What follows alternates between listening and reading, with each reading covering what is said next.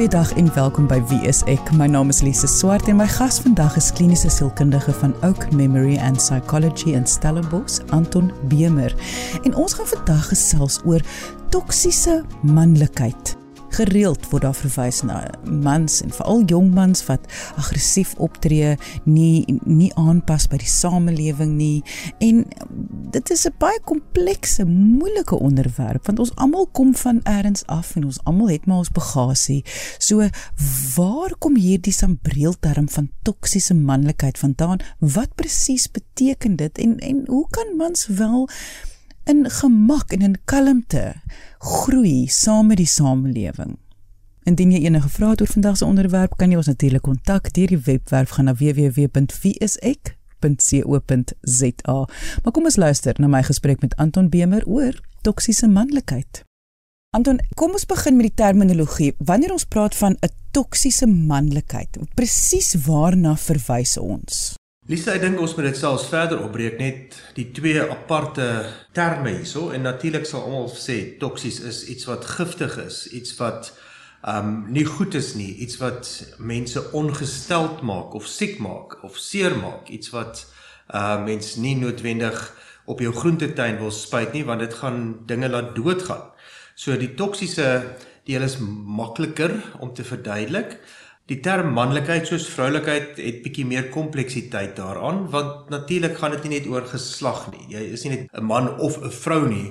Ek dink manlikheid het het baie meer verskillende forme in wat dit na vore kom en word ook verskillend verstaan in verskillende kulture, ehm um, verskillende omgewings. Ons is bewus van iemand se manlikheid of vroulikheid deur die gedrag wat hulle openbaar. En dit is natuurlik wat ons sien. Maar natuurlik is daar onderliggend hieraan ook mense se sieninge van ander en ek dink ook dat hierdie manier hoe ons dink, hoe ons optree, hoe ons met ander mense in verhoudings tree, sê ook baie van ons manier hoe ons ons eie geslag sien en natuurlik dan ook hoe ons dit uitleef in ons verhoudinge met 'n geliefde, tussen ons vriende, binne 'n maatskappy of in 'n gemeenskap en natuurlik ook in 'n land. Ek probeer nou net my reg verstaan hierso. Praat ons dan nou van toksiese manlikheid is gedrag en dit word beïnvloed deur ander faktore. Absoluut. Ek dink dat ons ons moet sê wie sal ons nou noem as mense wat toksiese manlikheid uitleef. Ja, dan kan mens nou sekerlik sê iemand wat 'n uh, 'n manlike boelie is, iemand wat wat ander afbring of seermaak. En ek dink wat wat belangrik is is dat oor die algemeen sal ons dit beskryf as waar dat jy 'n meerderwaardigheidskompleks het of jou sien as beter as ander net op die grond van die feit dat jy 'n man is en dat jy ander daarom sien of dit nou gegrond is op hulle geslag of hulle kultuur of hulle ras as minder as jy of minder werd as jy. Maar Anton, dit voel vir my wel dat manlikheid het deur die jare verander. Dis nie meer dieselfde soos sê net maar 50 jaar gelede nie. So watter rol speel dit in hierdie onderwerp? Die enige geskiedkundige programme of dokumentêre reekse op televisie, dan sal jy sien dat dat manlikheid oor die eeue verander. In in Bybelse tye, in die middeleeue, weet in die vroeë 1920s of die 1950s, 1980 en nou ons is in 2000 22 het dit natuurlik baie veranderinge ondergaan en net soos wat daar sekere veranderinge in die samelewing plaasgevind het, ehm um, het mense van verskillende ehm um, agtergronde as dit nou kom teen opsigte van ras, as dit kom teen opsigte van godsdiens, geslag, sekere aanpassings moet maak om aan te pas by dinge wat verander het. Ek wil as mens die ander voorbeeld vat, as ons nie aangepas het by tegnologie nie, weet dan sou ons nog steeds vir mekaar fakse gestuur het en sou ons nog steeds die hele tyd briewe vir mekaar geskryf het of gewag het vir 'n belangrike telegram om te arriveer. So mense maak sekere aanpassings oor tyd. En net so as dit kom by manlikheid en vroulikheid.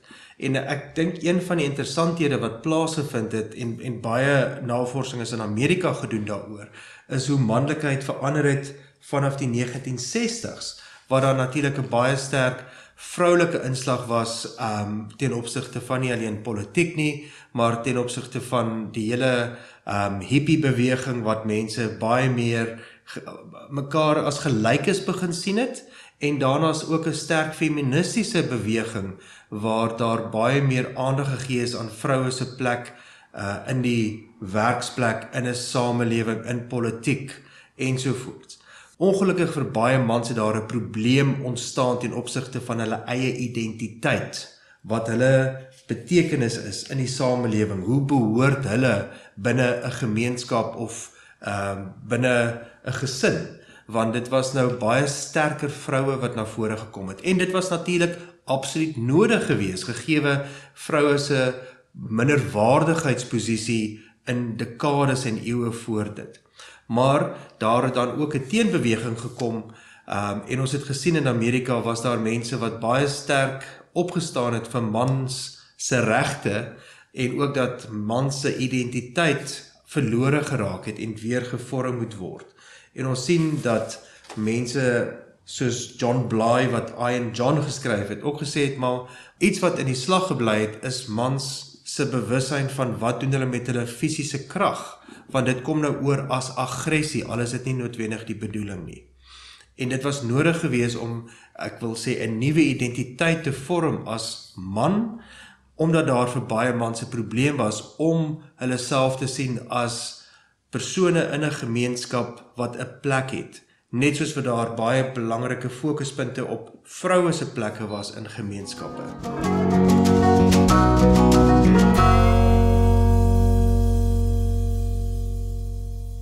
Ek dink vir duidelikheid, kom kom ons gesels 'n bietjie oor die top kenmerke van 'n toksiese manlikheid sodat ons net seker is ons almal op dieselfde bladsy. So as ons kyk na wat ek vroeër gesê het, iemand wat neerkyk op ander, nie alleen in terme van hulle ingesteldheid nie, maar ook op in terme van hulle gedrag, sal ons sê dit is 'n manlikheid wat baie duidelike anti tipe eienskappe wys. Hulle stel hulle self maklik teen ander groepe mense.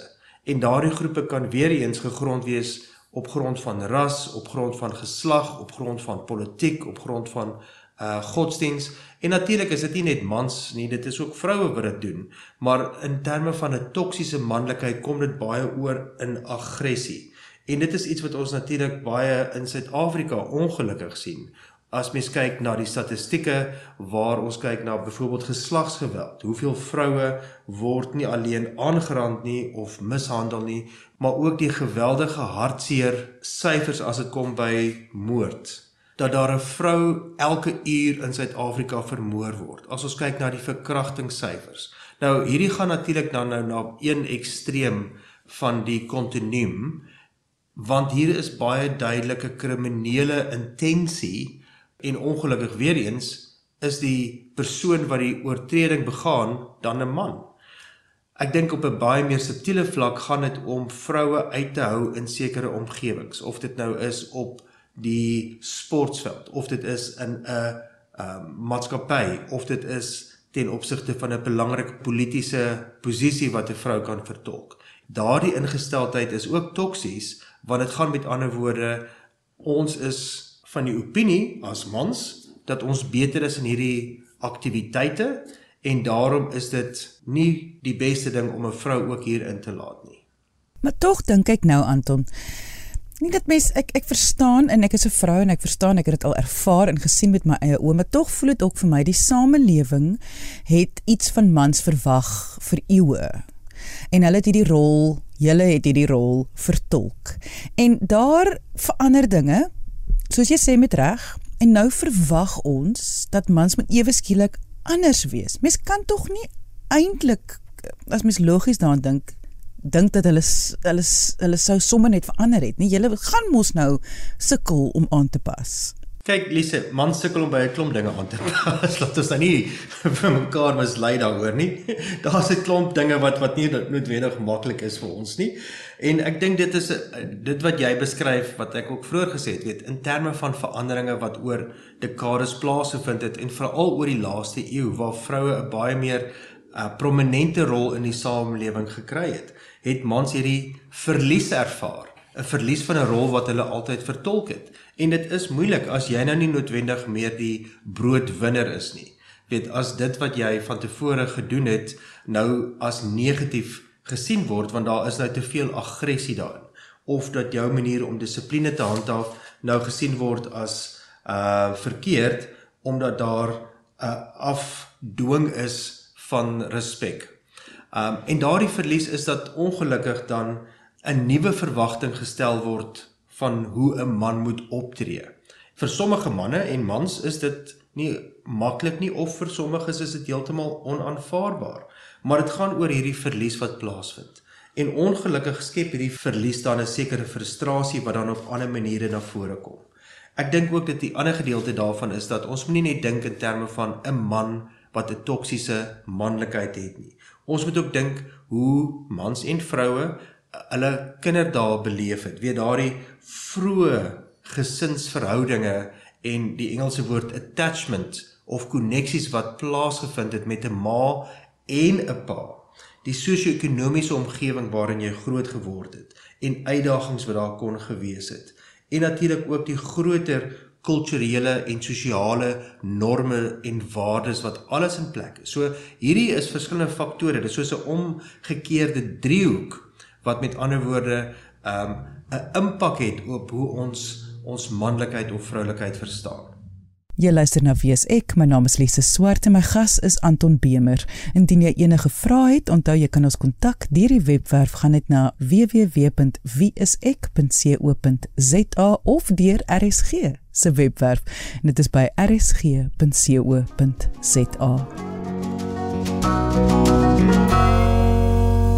Maar kom ons luister nou verder na my gesprek met kliniese sielkundige van Stellenbosch Anton Bemer oor toksiese manlikheid. Anton ons praat nou so en en jy verwys uh, uh heeltemal geregtelik oor uh, generasie, hoe ons generasies mekaar affekteer. En uh, mens kan dink met jou logika, as jy op 'n sekere manier groot geword het, jou hegting met jou ma, hoe jou pa was en hier verwag die samelewing van jou om skielik heeltemal anders of die teenoorgestelde op te tree. Dan kan mens nou dink dit is moeilik, maar dit regverdig tog nie iemand se se optrede nie. Ons ons het tog almal ook 'n keuse oor hoe ons gaan optree in die bewustheid van ons omgewing. Absoluut. En dit is hoekom daar altyd geregtelik opgetree moet word wanneer iemand oortree of dit gaan oor geweld of dit gaan oor ehm um, sekere uitsluitende maatreëls wat sekere mense of dan nou in ons gesprek vroue uitsluit En dit is baie belangrik want mense het altyd daardie besluit. Ek dink wat dit egter moeilik maak is dat wanneer hierdie frustrasie opbou, as jy voel dat jy uitgesluit word as man of dat daar kritiek gelewer word op die manier hoe jy jou manlikheid uitlewe en hierdie frustrasie daaronder liggend is, daar sekere faktore is wat dit net kan laat ontplof. En dit is wanneer die probleme na vore kom. En dit is ongelukkig so dat dit kan binne 'n groep wees. Weet wanneer jy een is wat nou ook jou manlikheid die wil wys tussen jou vriende en dat jy dan nou probeer om te bewys dat jy net so sterk is of dat jy net soveel ehm um, uh weet uh, respek kan afdwing of weet dat jy kan ehm um, seksistiese grappe maak of wat ook al die geval mag wees dan is dit natuurlik wat dit 'n probleem probleem is. 'n Tweede eenvoudige voorbeeld is natuurlik die impak van alkohol, want alkohol is nie net iets wat jou kognitiewe en gedragsinhibisie verminder nie, met ander woorde jou emosionele regulering is minder en daarom kom goed na vore wat nie noodwendig in ander tye na vore kan kom nie, weer eens gedrag of taal of 'n sekere ingesteldheid. Ongelukkig maak alkohol dit ook moeiliker om ander mense se reaksies te lees of hulle gesigsuitdrukkings of jou ingesteldheid verander um omdat jy nie bewus is dat iemand anders nie hou van jou optrede nie. En daardie frustrasie kan dan baie keer na vore kom.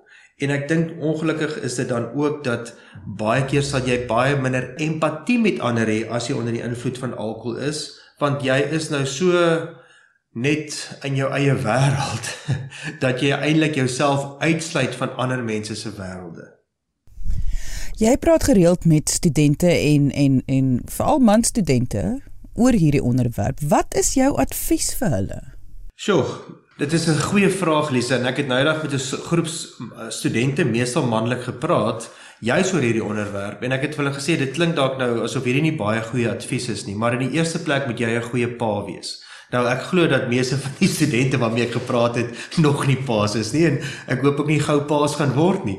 Maar die belangrikheid is eintlik dat mens van die begin van enige kind se lewe af as ouer teenwoordig moet wees. Want ek dink baie van die probleme ontstaan nie in jou tienerjare of later in jou lewe nie. Dit begin al reeds hierso vroeg in jou lewe in die eerste paar jaar van jou lewe.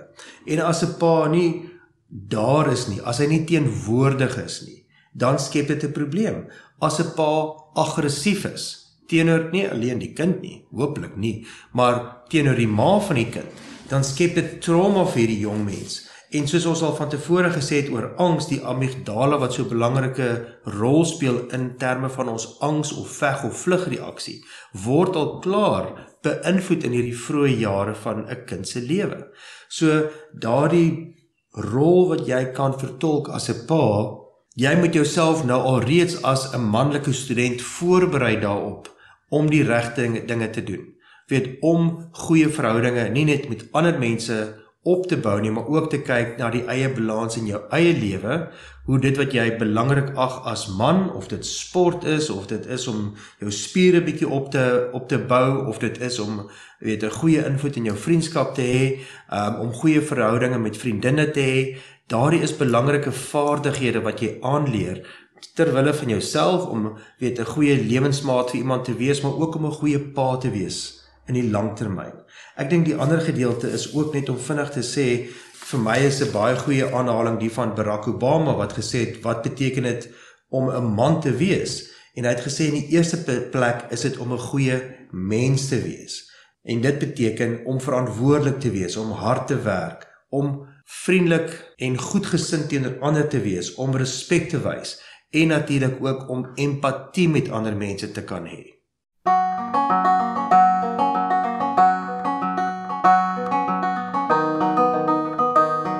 So met ander woorde daar is daar 'n hoop dat wanneer hierdie generasies wat wat nou al klaar 'n uh, afwesige paas gehad het, hulle het nog hoop dat hulle kan die patroon self verander, nie net as om kinders te hê nie, maar in hulle self. Ja, en ek dink dit is belangrik om goeie rolmodelle ook te kry daarvoor want ons het nodig om ek wil sê 'n verskeie pa figure te hê waarna toe ons kan opkyk. En dit is nie net in jou eie familie nie dit kan weer eens in besigheid wees dit kan op die sportveld wees Ehm um, dit kan in 'n kerk wees, maar gesonde, gebalanseerde rolmodelle. Iemand wat vir jou sê, dis die tipe man wat ek wil wees. Dit is die persoon wat respek wys vir ander mense, maar ook weet sekere dinge kan geniet, ook langs die rugbyveld kan staan en sy span kan aanmoedig, maar ook weet by 'n musiekkonsert kan sit en die musiek kan geniet. So dit is om daardie balans te kry in jou eie lewe en mense te kry wat jou inspireer, mense wat daardie voorbeeld kan stel nie om verskoning te maak vir enigiets nie, maar voel jy dat soms is die samelewing nogal baie hard op mans, veral jong mans en dat dit dit dalk vermoeilik is situasie? Ehm, um, Jesus Lisa, dit is so 'n goeie vraag. dit is nie 'n maklike antwoord. Kyk, ek is baie trots daarop om 'n man te wees, nee. Dit is dit is my 'n deel van my identiteit. Maar ek dink dat die statistieke wys vir ons dat mans is die oortreders in baie situasies. En as jy in die hofsaal gaan sit vir 'n paar dae aan een, die beskuldiges as dit kom by geweld is meestal mans en baie keer jong mans, ongelukkig so. En soos ek vroeër gesê het, dit is daardie omgekeerde driehoek wat mens moet kyk, nie net na die individu nie, maar die omgewing waarin hulle groot geword het, die familie, die sosio-ekonomiese omstandighede, die waardes wat in 'n land heers, enige land um wat maak dat manlikheid op 'n sekere manier verstaan en gevorm word. En dit is nie dieselfde in elke kom ons sê in Suid-Afrika, elke provinsie of in elke land of in elke gemeenskap nie. Manlikheid het verskillende elemente wat waarde toevoeg aan wat dit beteken om 'n man te wees. Maar ek dink ongelukkig weet is die statistieke ook erg teen mans en daarom word mans en ook jong mans baie keer beskou as iemand wat gevaar kan inhou. Ek dink daarom is dit so belangrik dat jong mans, ouer mans regtig moeite daarom maak om nie alleen 'n begrip te hê van die tipe persoon, die tipe man wat hulle wil wees nie, maar ook daaraan dink hoe hulle 'n voorbeeld kan wees van verander as dit kom by 'n gebalanseerde manlikheid. Wat sal my rol as 'n vrou wees om te help dat mans hierdie hierdie toksiese manlikheid kan kan laat gaan en ontslaa raak van dat hulle nie so gefrustreerd voel nie. Ek dink dat so 'n belangrike basiese bousteen is goeie kommunikasie. Dat twee mense, of dit twee mans is wat in 'n vriendskap is of dit 'n man en 'n vrou is, uh wat in 'n verhouding is, dat daar goeie kommunikasie moet wees. Om te sê, weet jy wat, eers like hierdie ding wat jy nou gedoen het, dat jy hier opgestaan het vir iets. Ek ek respekteer dit. Weet ek het baie waardering dat jy dit gedoen het. Of weet jy wat hierdie ding wat jy nou gedoen het, ek ek voel ongemaklik as jy jou hier meer so verloor. Of as jy so negatief praat oor vroue of negatiewe opmerkings maak teenoor daardie groep jong mense wat daar so loop. Uh ek dink daardie gesprekke is so belangrik, die kommunikasie is so belangrik tussen verskillende mense mans en vrouens en ek dink veral vir 'n vrou om ook daardie validasie te gee van dinge wat vir hulle belangrik is in 'n man of die man in jou lewe of jou broer of jou pa maar dat daar ook veilige ruimtes is om te sê maar luister ek verskil hier van jou. Hierso is is iets wat wat uitkom in jou gedrag ehm um, dinge wat jy sê wat ek dink ander mense moontlik seermaak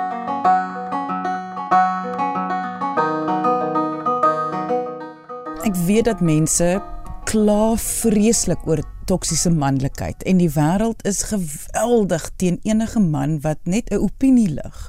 En dit voel vir my baie keer eh, en ek kry ook die idee uit hierdie program dat ons as samelewing kan ook net probeer om 'n bietjie meer te verstaan. Maar die onus rus wel op mans om te besef wat hulle geskiedenis is, wat die vorige generasies vir hulle geleer het en te besef hoe hulle miskien beter kan aanpas, nie net te skop daarteenoor nie of of is ek nou die klits kwyt? Nee, ek dink dat weet die idees oor manlikheid, weet as jy flieks en weer eens dokumentêre kyk. Dit is dinge wat oor generasies oorgedra word. Ek wil sê die stories van manlikheid is loop baie baie sterk. Um en en dit is om te sê weet ons het mense nodig wat sterk mans is. Ons het sterk vroue in ons gemeenskappe nodig. Maar die probleem is as dit begin om ander mense uit te haal, af te skiet, af te breek, dan raak dit toksies. En die belangrikheid as mens kyk na die ontwikkeling van um wat ons noem attachment theory in sielkunde, hoe mense verhoudinge bou met ander waarvan John Bowlby die die die pa-figuur van is, letterlik die pa-figuur, het gesê weet ons moet kyk van die krib tot die graf, from cradle to grave, hoe ons mense baie duidelike idees gee van wat dit is om goeie verhoudinge met ander te bou. So dit is iets wat al in jou kinderjare moet begin. En ek dink daar is altyd hoop, maar die belangrikheid is om regtig daardie goeie nie alleen rolmodelle te kry nie, maar ek dink ook mense te komplementeer van waar hulle opstaan en 'n goeie opinie lig of jy nou 'n man is en of jy 'n vrou is of van watter agtergrond jy ook al mag wees. En ek dink dat ons in Suid-Afrika moet weet ons lewe in 'n baie gewelddadige samelewing en ons het regtig nodig om daarteen op te staan. En ek dink dit vat sterk mans om dit te doen en ek vat sterk vroue om dit ook te doen. En dit was kliniese sielkundige van Stellenbosch Anton Bemer. Indien jy enige vrae het, onthou jy kan ons kontak deur ons webwerf. Dit is wieisek.co.za of direk deur RSG se webwerf. Dit is rsg.co.za of jy kan gaan kyk na ons video-gesprekke op Wie is ek se Facebookblad onder Wie is ek SA. Hierdie video-gesprekke is deur my met medies professionele mense wat handel oor sielkundige toestande, menslike gedrag, sielkundige diagnoses om jouself beter te verstaan, om met die stresore van die lewe beter om te gaan baie dinge word verduidelik. Jy kan saamgesels en jy kan vra vra. So gaan dit na Wie is ek se Facebookblad onder Wie is ek SA. Dankie dat jy vandag ingeskakel het. Ons maak weer so volgende Vrydag 12:30 hier op RSG. Jy met 'n heerlike naweek hê en onthou, kyk mooi na jouself.